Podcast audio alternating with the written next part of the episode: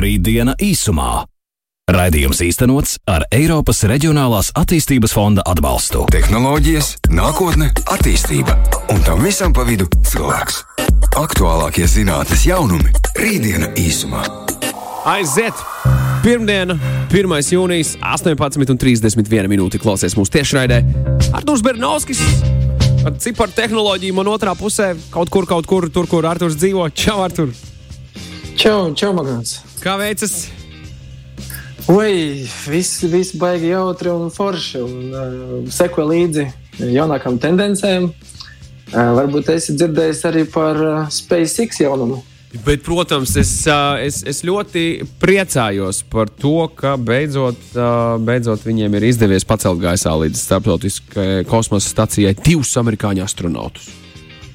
Jā, nu, mēs esam kādā no raidījumiem runājuši arī par kosmosa tehnoloģijām, un uh, tā skaitā par SpaceX. Šobrīd uh, man uh, tiešām ir tādas lielas cerības, ka tas nospraustais datums, uh, 23. gads, kad būs SpaceX turists pacelts kosmosā, liekas ļoti reāls, un šobrīd tam vairāk sāku ticēt. Tā kā šo, mēs šeit runājam daudzas lietas, kas kaut kur notiek, kaut kas plānojās, bet prieks dzirdēt par tiem brīžiem, kad kaut kas realizējās no tā, par ko mēs šeit runājam. Tas gan, tas gan, tas gan. Artur, kādas sajūtas tev pārņēma mirklis, kad, kad bija jā, visur paziņojums, hei, mums izdevās. Es biju Jā, priecīgs, tas es bija- smaidīju. Jā. Es biju uh, fantastiski priecīgs, jo tas, nu, tas rāda to, ka šī te SpaceX un arī Virgin Galactic kompānija, ka viņas spēj realizēt varbūt uh, tādas sapņu lietas, kas uh, nu, kaut kādā brīdī liekas nereāls. Kā, nu, kā var būt tā, ka drīzumā, var, visdrīzākais arī būs, ka jebkurš iedzīvotājs var lidot kosmosā. Un tad atkal tu sāc aizdomāties par tām fantastiskas filmām, kur nezinu, vienkārši iekāpa mašīnā un uzlido kosmosā. Liekas, ka jā, kaut kādā nākotnē tas būs iespējams. Vai nu tie ir nezinu, pāris desmit, varbūt arī simts gadi, bet uz to viss virzās un tas varētu notikt. Jā, un uh, viena no lietām, kas kosmosa, kosmosa tehnoloģijās būs aktuāla, būs šie arī šodienas pieminēti, jau par ko mēs runāsim, 4D printeri. Jā, Artur, pirms mēs turpinām par 4D printeriem. Uh, es, es zinu, ka pirms kāda nu, kā 3D printeri vai ne, nu, tur, tas vairāk vai mazāk mums ir skaidrs. Bet 4D printeris, ko pie valda tas nozīmē? Jā, nu, um, varbūt tiem klausītājiem, kam uh, arī 3D varbūt ir druskuļi tāds uh, kaut kur dzirdēts, bet līdz ar to jā, jāiziet būs laikam druskuļi tas stāsts no 3D līdz 4D, jo savā ziņā 4D printers ir tāds nu, turpinājums uh, kaut kādām, es teiktu, mūsdienās tādā uh, žargonā runājot, kosmosa tehnoloģijām vai kaut kādām ne nereālām. Tas turpinājums iepriekšējiem printeriem. Un, uh, varētu būt salīdzinājums līdzīgi kā ar internetu tehnoloģijām, kā piemēram 5G, par ko mēs esam runājuši, un kas jau izskan par šo te internetu ātrumu vai 5G tehnoloģijām, kas mainīs mūsu ikdienu. Uh, kvantu datori, kas atkal nu, ir evolucionējuši no datoriem uz kvantu datoriem, kas atkal ir tāds milzīgs lēciens nākamajā līmenī. 4D printeri arī ir kaut kas tāds, kas nu, mūsu ierasto vidi iemetīs nākotnē. Uh, nu, tie 3D printeri tiešām nu, jau ir tāda ikdienišķa varbūt lieta jau pašsaprotama. Kaut viņa aizsākusies ir pagājušā gadsimta 80. gados, un tie 3D printeri, nu, kā redzams, pagājuši ir 30 gadi, un tikai šobrīd mēs par šiem 3D printeriem runājam kā par lietu, ko mēs varam nopirkt mājās, un patiesībā jau ikdienā lietot. Un uh, 3D printēšana pašā pamatā ir turpinājums iepriekšējām printeriem, varbūt šiem 2D printeriem. Uh, 3D printeri klāja materiālu, slānīti, un mēs, pieslēdzot pie datora, varam modelēt jebkuru formu, jebkuru produktu un izdrukāt viņu laukā. Un ar 3D printeriem laikam, var šobrīd izdrukāt jebkuru materiālu, sākot no tā, ka tā ir kāda lieta vai detaļa transportam, beidzot arī ar mājām.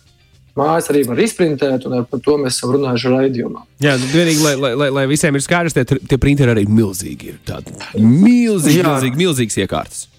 Milzīgas iekārtas, kas, nu, ja izdrukātu šo 60 km māju, nu, tad tam printerim ir jābūt ir lielākam kā, kā māja. Kā šie, šīs ierīces ir milzīgas.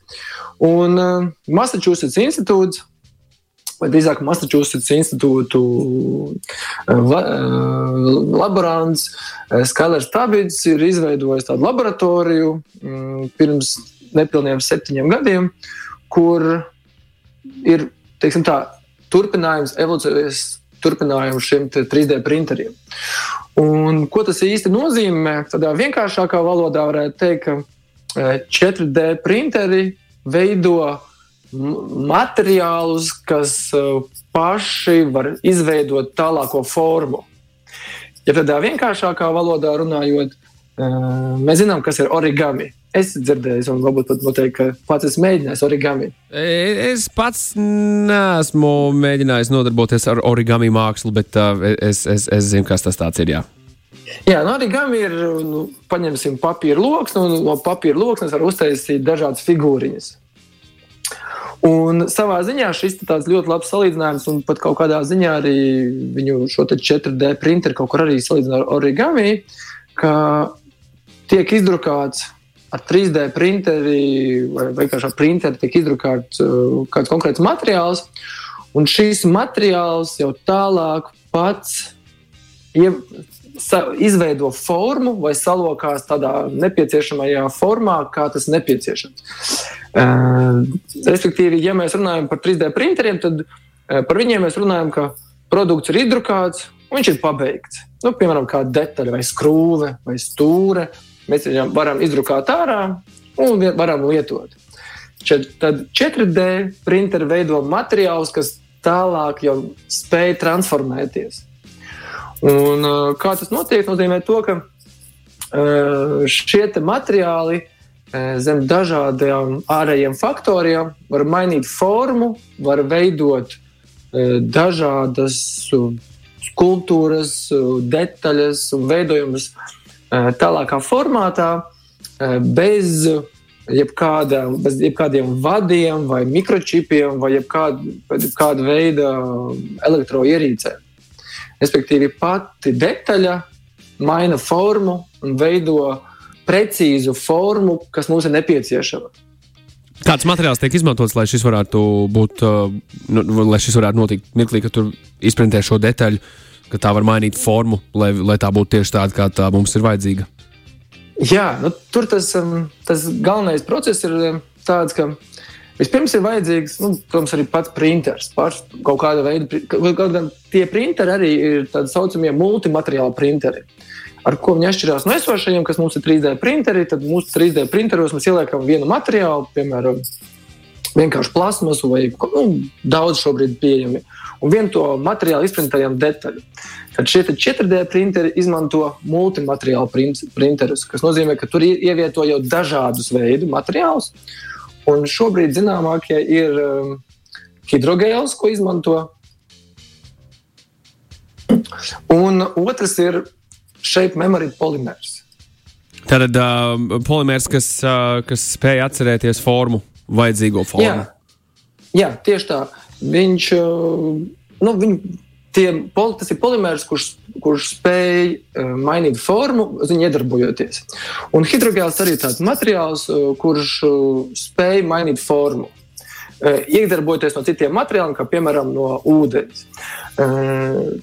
Praksē ir līdzīgi kā savā ziņā ar 3D printeriem. Ja 3D printeriem šobrīd jau izmanto arī tādus materiālus kā um, koksni, uh, izmanto metālus un jebko, ko, ko mēs varam ielikt printerī, tad šobrīd tā galvenā doma ar 4D printeriem, kas šobrīd notiek, uh, tiek izmantoti materiāli, kurus ietekmējoties no ārējiem faktoriem, viņi spēj mainīt vai spēj veidot kādas reakcijas. Un tas var būt saistībā gan ar gravitāciju, gan ar gaismu, tas var būt saistīts ar temperatūru, ar ūdeni un tā tālāk. Jebkāda veida ārējie faktori, kas ietekmē materiālu, tie ir interesanti tieši šie, šie 4D printeriem. Un šobrīd jā, ir šis hidrogēls un, un polimērs, ar ko strādā. Un tad nākamajā posmā, kad ir printeris un šie multimateriāli printeri ielikti, tad ir šie, varbūt pat kaut kādā ziņā šobrīd nozīmīgākais faktors ir šī programmatūra. Un programmatūra ir tieši tā, kas uh, spēj veidot uh, plānotās simulācijas tādā formā, lai izdrukājot šo materiālu, viņš mainītu formu uz nepieciešamo formu, vai nu, mainītu šo izdrukāto formu uz nepieciešamo jauno veidojumu. Un tur ir tieši tā visa, nu, tā, tā nu, angliskais know-how vai šī zināšana, kā izmantot materiālu, uh, ar šo programmatūru, veidot simulāciju un veidot uh, šo uzdevumu tādu, lai, piemēram, izdrukāts tienis, kurš vizuāli izskatās pēc nu, pilnīgi vienkāršas, varbūt trubiņas, uh, ietekmējoties no temperatūras, mainītu no, piemēram, no taisnas trubas uz uh, saliekumu vai ko te uz apli.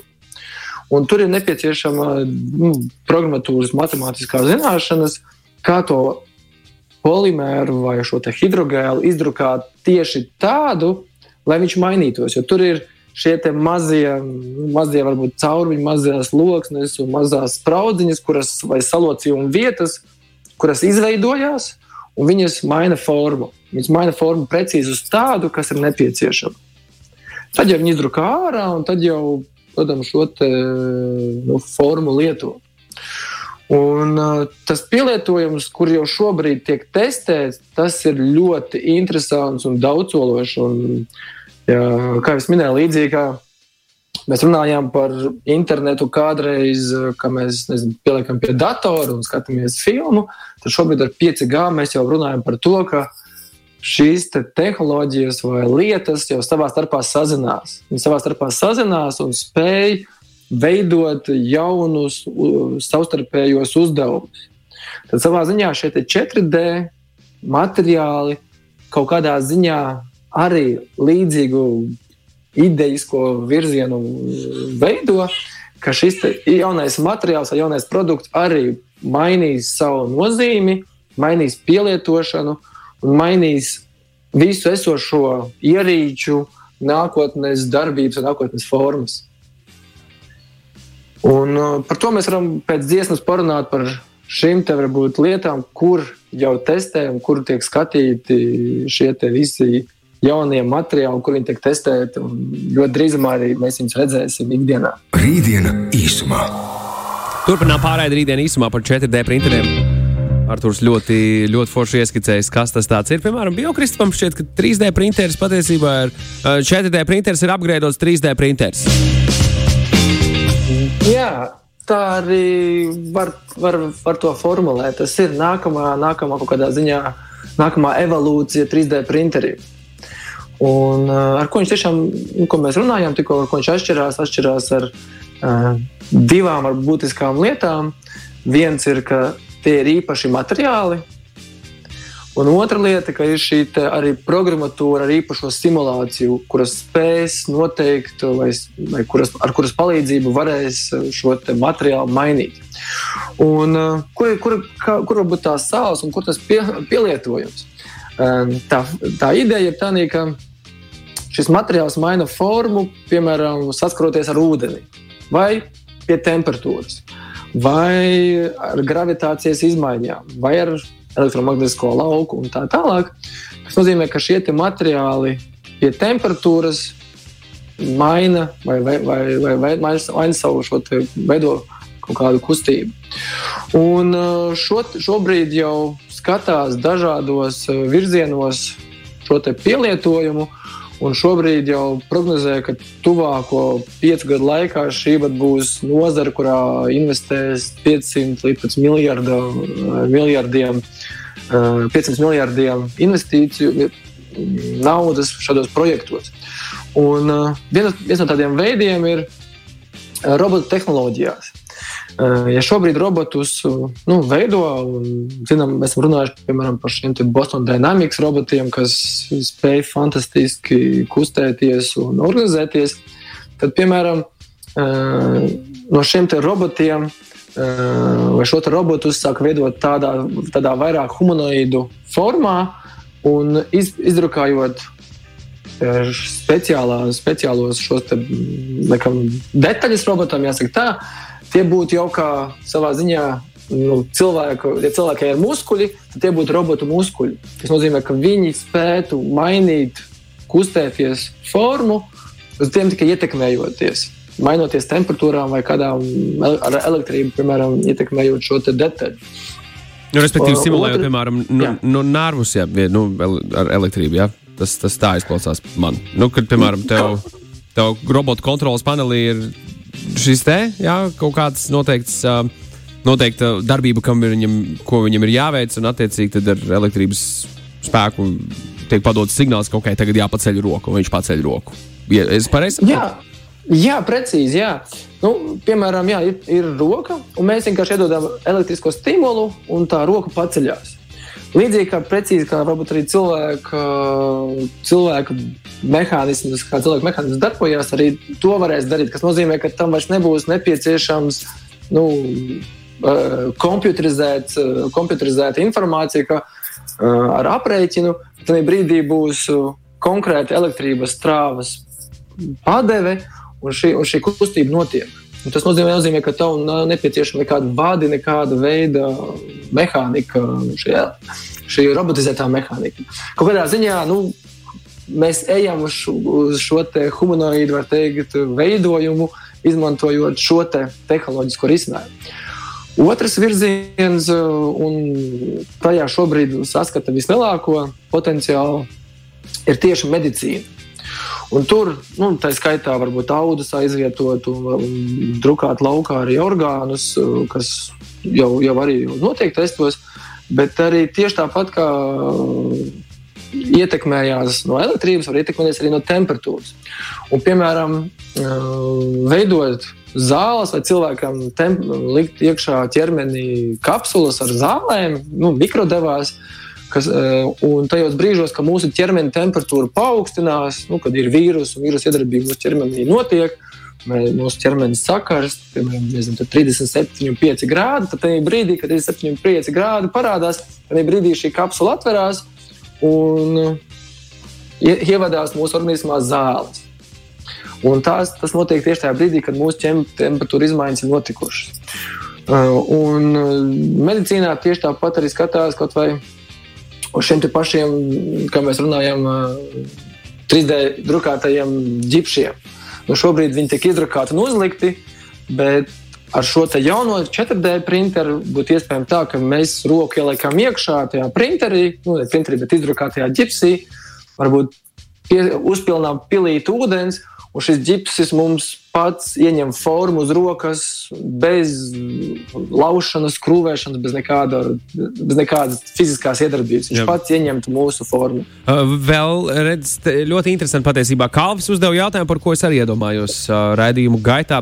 Ir domāju, šis te uh, atmiņu memory polimērs, ja, par ko tu runāji, un hidrogēls arī dzan. Uh, arī vielu, par ko tu runāji. Ja, tai, uh, ja vienreiz šī, šī viela ir izmainīta, vai, vai to var mainīt atkārtoti, ka, šis, ka šī viela pieņem jau citu veidolu? Tas ir atkarīgs no konkrētā materiāla. Tas ir tieši tas, ka mm, ir, ir materiāli, kuri spēj veidot un atgriezties iepriekšējo formu. Ir tādi materiāli. Tā kā, tas, tur ir divi faktori. Viens ir, vai materiāls nu, respektīvi, pie temperatūras 38 mainīs formu uz X un pie 36 uz Y. Vai viņam, vai viņam ir šī mehāniskā iedarbība? Ja jā, tad viņš spēs ģipsis atvērties un aizvērties. Un otra lieta ir par šo simulāciju, kas nozīmē, ka šajā simulācijā, šajā programmatūrā ir jābūt ši, nu, augsti matemātiskiem aprēķiniem, ka pie tādas temperatūras būs forma šāda nepieciešamā X, un pie citas temperatūras mainoties būs Y. Tas viss ir eh, šobrīd. Nu, testos ir ļoti primitīvas formas veidotas, un viena no tādām lietām ir uh, tieši ar vārstiem, ka pie konkrētas temperatūras, nemaldos, laikam, pie zemākas temperatūras vārsta aizvērās un pie augstākas atvērās, un viņi visu laiku mainījās. Tā kā testos šobrīd tādos vienkāršākos formātos un uzdevumos tas jau notiek un ir jau izveidots. Un, nu, tas noteikti būs atkal jā, laika jautājums, un tie būs pāris gadi vai pāris, varbūt desmiti gadi, kad spēs šo tehnoloģiju pilnveidot un attīstīt līdz tam, ka mēs varēsim tiešām nu, filmās redzēt tās brīnuma lietas ar nezinu, uzpilnātu ūdeni virsū vai temperatūru, mainīt formas nepārtraukti. Nu, noteikti, ka jā, tam ir divi faktori. Viens ir pats materiāls, un otrs ir šī simulācija. Viņa spējas iedot šī tik precīzu dizainu, lai varētu izdrukāt ārā. Um, viens, vēl viens virziens, kur uh, šī te tehnoloģija jau praksē testēt, ir militārām vajadzībām, pie aizsargtērpiem. Un, nu, kā mēs zinām, militārās tehnoloģijas laikam visur pavelk uz priekšu un kaut kādā ziņā civilizācija jābūt pateicīgai, ka, nu, kad militārā joma ļoti strauji attīstās, jo mēs pārņemam daudz lietas Un šobrīd izskatās, ka militārām vajadzībām dažādi tērpi spējas mainīt, pielāgoties uh, pie nepieciešamiem apstākļiem, vai mainīt arī izskatu. Šī kamuflāža veidosies, pie uh, apstākļiem mainīsies. Un vēl, vien, vēl viens virziens, kur šobrīd uh, ir skaidrs, ka tā būs nu, tāda nepieciešamība, ir, ir kosmosa tehnoloģijas, ko mēs sākumā runājām, eh, gan kosmosā, gan arī uz citām planētām, nosēžoties iekārtām, izdrukājot šādu veidu gudrās detaļas, tad viņas spēs nepieciešamajās formātos mainīties un pārveidoties. Jo tur ir ļoti, ļoti sarežģīti nogādāt kosmosā nepieciešamās detaļas, un mainīt un veidot. Tad, ja šādā formā mums kosmosa stacijā ir printeris. Mums kā detaļa ir kosmosa kuģim jānomaina, un viņiem varbūt ja tajā brīdī, jebkāda veida, tad izdrukājot ar pareizo materiālu, norādot formu, mēs viņu spēsim izveidot un mainīt tādās nu, kritiskos apstākļos. Tā kā diezgan, šis ir tas virziens, diezgan jaudīgi, Artur. Diezgan jaudīgi. Šis ir turpinājums 3D printeriem, kas šobrīd sākas, un tuvākie gadi būs tie, kas rādīs kaut kādus jaunus, interesantus, no nu, jau produktus, ko mēs ikdienā varētu pielietot. Lieliski, paldies par rītdienu īsumā. Nākamajā nedēļā atkal sazināšos ar tevi un at atkal aprunāsimies par ko aizraujošu, par ko pilnīgi neticam. Paldies, Artur Bernālski, visu labo! Čau, čau! Rītdiena īsumā. Raidījums īstenots ar Eiropas Reģionālās attīstības fonda atbalstu.